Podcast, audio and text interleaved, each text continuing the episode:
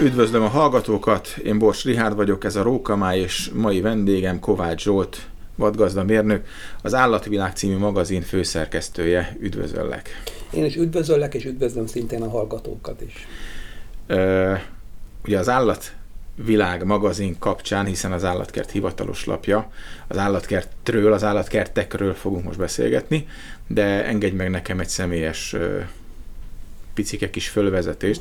Amikor én gyerek voltam, akkor a Állatvilág magazin, az a Radnóti Miklós utca 15 per Igen. A alatt volt a szerkesztőség, és én abban a házban születtem, viszont nagymamám ott takarított a házmesteri állása mellett, ugye a szerkesztőségbe takarított, és alig vártam, hogy bemehessek vele, mert a szemetet mindig átnéztem, és azok a képek, amik nem kellettek fotók, azokat én szépen kitettem, vagy kiszedtem, és össze, összegyűjtöttem.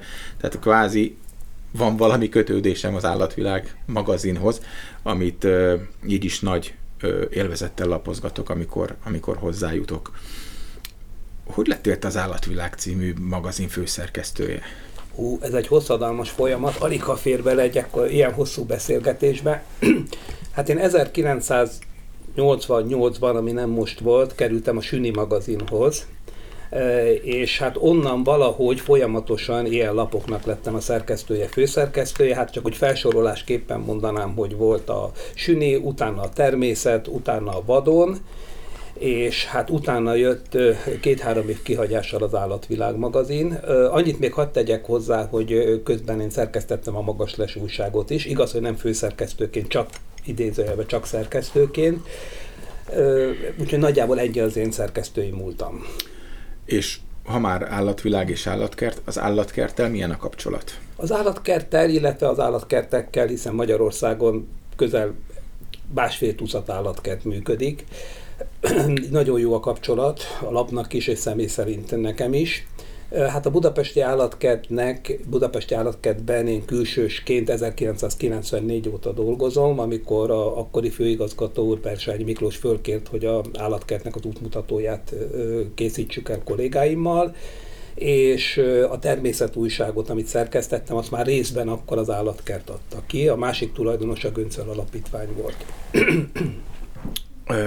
Ugye már említetted az igazgatót, Ugye a fővárosi állatkert igazgatói között számos vadászembert találhatunk, a, kezdve a 1866-os megnyitótól egészen akár napjainkig is. Kik ők és milyen újítások köthetők a nevükhöz? Ö, hát nagyon sok vadász igazgató volt, nem csak Budapesten, hanem a vidéken is, majd később erre is kitérnék egy fél mondat erejéig. Kezdeném Nadler Herbertel. Azt hiszem, hogy őt mindenki ismeri, őt, őt magát, mint szemét nem kell bemutatni. Ő 1929-től 48-ig volt az állatkert igazgatója, és rendkívül sok újítást vezetett be sajnálatos módon idézőjelben mondva az, hogy köszönhetően azért, mert 1912-ben, mikor nagy csindadarattával átadták a megújult állatkertet, akkor bizony annyira nem figyeltek oda az állatok igényeire, és gyönyörű állatházakat emeltek, de nagyon sok állatnak is szűkös hely jutott osztályrészül. No, ezen változtatott Nadler Herbert, ugyanis szinte az egész állatkertet átépítette. Őt követte az igazgatók között, most egy nagy ugrással, Szederei Ákos, aki 1967 és 77 között volt az állatkertnek a főigazgatója ő vele valahogy olyan furcsán bánt az akkori politika, nem tudni, hogy miért, és az állatkert nem nagyon kapott pénzt, ezért abban az időszakban fejlesztésre nem nagyon költöttek. Bár hozzá kell tegyem, hogy mindig azt lebegtették, hogy elköltöztetik az állatkertet egy nagyobb területre, és ezért nem kapnak pénzt, mert ma arra kell. Az állatkert nem költözött, pénz nem jött. Szedereiről még annyit érdemes itt elmondani az állatkertek kapcsán, hogy az első vadászati világkiállításon is nagyon keményen dolgozott, és onnan sok állat került a budapesti állatkertbe, és nagyon nagy ritkaságok voltak ezek. Ezt követően nem tudok vadász főigazgatóról, Ellenben itt kitérnék a, a vidéki állatkertekre, például a Veszprémi állatkertben a Kassa László, aki a második igazgató volt és 20 évig vezette az intézményt, kezdetben még vadászott, utána már nem, mert azt mondta, hogy az állatkerti őz és a lelőtt őz között ő nem tud igazán különbséget tenni, már mit úgy ért, vagy nem lőné le már, de azt követően a következő igazgató is vadászott Kamarel Miklós, és az azt követő is Sigmond István nem véletlenül nem említetted Kittenberger nevét, pedig sokan azt gondolják, hogy igen, sokan azt gondolják, hogy ő volt igazgatója az állatkertnek. Ugyanakkor pályázta meg ezt a, a címet, amikor Nadler Herbert és Nadler Herbert nyert sokan azt feltételezték, hogy hát emiatt rossz lett a kapcsolata a két neves vadásznak, de ahogy én utána néztem, ez nem igaz, hiszen amikor például Kittenberger Afrikában vadászott a 30-as években, a második nagy vadászati e-, etapjában, akkor Nadler részt vett gyakorlatilag a Nimrod szerkesztésében is. Úgyhogy abszolút nem, sőt Kittenberger írta Nader újságjában, a Természet magazinban is. Ebből is egyértelműen látszik az, hogy közöttük semmiféle konfliktus nem volt. Annyit még azért érdemes elmondani, és talán ez szülte ezt a félreértést, hogy amikor nyugdíjazták Nadler Herbertet 1948-ban, akkor hirtelen rájöttek, hogy nincs szakemberük egy darab se és akkor felkérték Kittenberger Kálmánt a féle szakmai munkatársi feladatra, de nagyon rövid ideig, ha jól emlékszem, fél évig dolgozott csak így, de rengeteg levelezés folytatott, és nagyon sok állat érkezett így az állatkertbe az ő segítségével.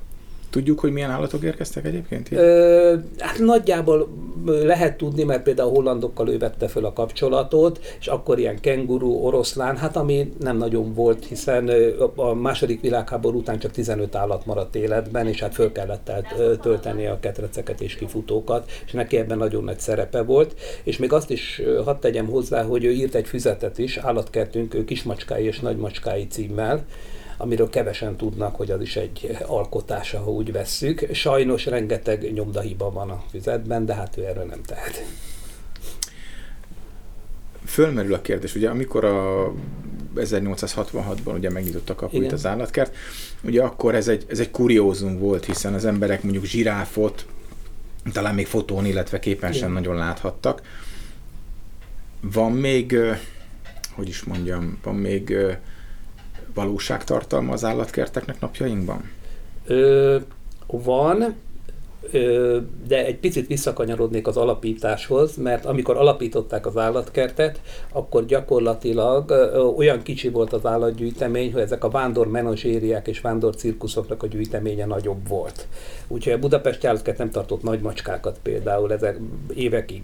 A zsiráf is később érkezett, úgyhogy ezt csak ilyen kiegészítésképpen mondanám el. Visszatérve a kérdésre, hogy a létjogosultság az állatkerteknek, Hát a, leginkább a szemléletformálásban van szerintem szerepük, mégpedig azért, mert most már nem rabállatokat igyekeznek bemutatni kis ketrecekben, hanem minden nagyobb férőhelyen, természetes környezetben bemutatni az állatokat. Jó példa erre például a Veszprémi állatkertben, hogy nagyjából 20-25 négyzetméteren tartottak egy oroszlán párt 30 évvel ezelőtt, a mostani kifutójuk 2000 négyzetméter azért van különbség a kettő és ugyanúgy rendezték be. A, ami viszont ö, ö, sajnálatos, hogy a hazai vad bemutatása az gyakorlatilag háttérbe szorult. Ennek több oka is van, az egyik például az, ami a, a, a törvényi háttér, ugyanis meg lett határozva, hogy bizonyos állatfajokat milyen, mekkora területen lehet bemutatni. Na most az állatkertjénk többsége az kicsi. Ennek következtében nagyon meg kell válogatniuk azokat a fajokat, amiket bemutatnak, és ez magával hozza azt, hogy hát a, mire kíváncsi a publikum. Hát a exotikus állatokra, és ezért sajnos nem igazán lehet most például a gímszarvast kevés állatkertbe látni. Dámbatat azt már igen, mert az egy szelíd, teljesen más habitusú állat, és viszonylag kisebb helyen tartható, nem annyira veszélyes. Hát a harmadik, ami kiesik a szórásból, az őz. Ennek viszont több oka van. Nehezen tartható például, és iszonyatosan kötekedő természetű a bak, és hát ennek következtében az állatkertek befogadnak bevitt őzet, mert kénytelenek, de egyébként nem, ha egy mód van rá, nem tartanak őzet. Mennyiben tudja az állatkertben végzett munka alakítani, reális keretek közé helyezni az átlagemberek véleményét a vadon élő állatokkal kapcsolatban? Hát ez nehéz kérdés itt a természetfilmek mellett, hogy most ö, ö, mennyire tudja, mennyire nem. Ö, talán egyre inkább, mert régen inkább ilyen mutatványos szerepe volt az állatkertnek, és ebből most egyre inkább próbál kijönni, és sikerült is neki kijönnie. A, például nagyon sokat számítanak, hogy milyen az információs rendszer az állatkertben, van-e útmutató, milyen a Facebook megjelenésük, és ne soroljam. Úgyhogy nagyon hasznos intézmények lettek az állatkertek mármint a jó állatkertek, mert azért akadnak olyanok is, amelyek kevésbé jók. Én úgy gondolom, hogy jó irányba haladnak, és hogyha fogékony a látogató, akkor bizony ö, nagyon sok mindent tanulhat, nagyon sok a mindent megérthet a természet törvényszerűségeiből egy állatkertben. Egy-egy ilyen egzotikus állatnak a beszerzés, az bonyolult folyamat? Már nem, ingyen adják őket legtöbbször, úgynevezett kihelyezés révén, és olyan rengeteg állat születik már, hogy bár ritka fajoknál is ö, vannak olyan szabályozások, hogy nem szabad őket tovább tenyészteni, mert nem tudják állatkertekben elhelyezni, szabadba viszont nem tudják visszatelepíteni, megszűnt a természet. Tehát nagyon sok olyan állatfaj van, hogy nincs hova vissza, mert hát megszűnt. Né, túlnépesedés, őserdők kivágása, stb. stb. nincs. nincs. Esetleg tudsz-e arról, hogy valamilyen ilyen beszerzés vagy, vagy kihelyezés most folyamatban lenne, akár a fővárosi állat és növénykerttel kapcsolatban, hát, vagy valamelyik vidéki? Azt hiszem nem árulok el most titkot, hogy dolmányos hangyász jött a budapesti állatkertbe, ami nagyon ritka állatfaj. Vidéki állatkertekről most nem nagyon tudok mit mondani, azért kezdődik a tél, ilyenkor már az állatszállítások, állatelhelyezések nehézkesebbek. Inkább majd ö, a közönségnek a nyitásra, amikor már nagyobb a látogatottság, akkor szoktak kuriózumokat, újdonságokat hozatni. Köszönöm szépen a beszélgetést. Én köszönöm.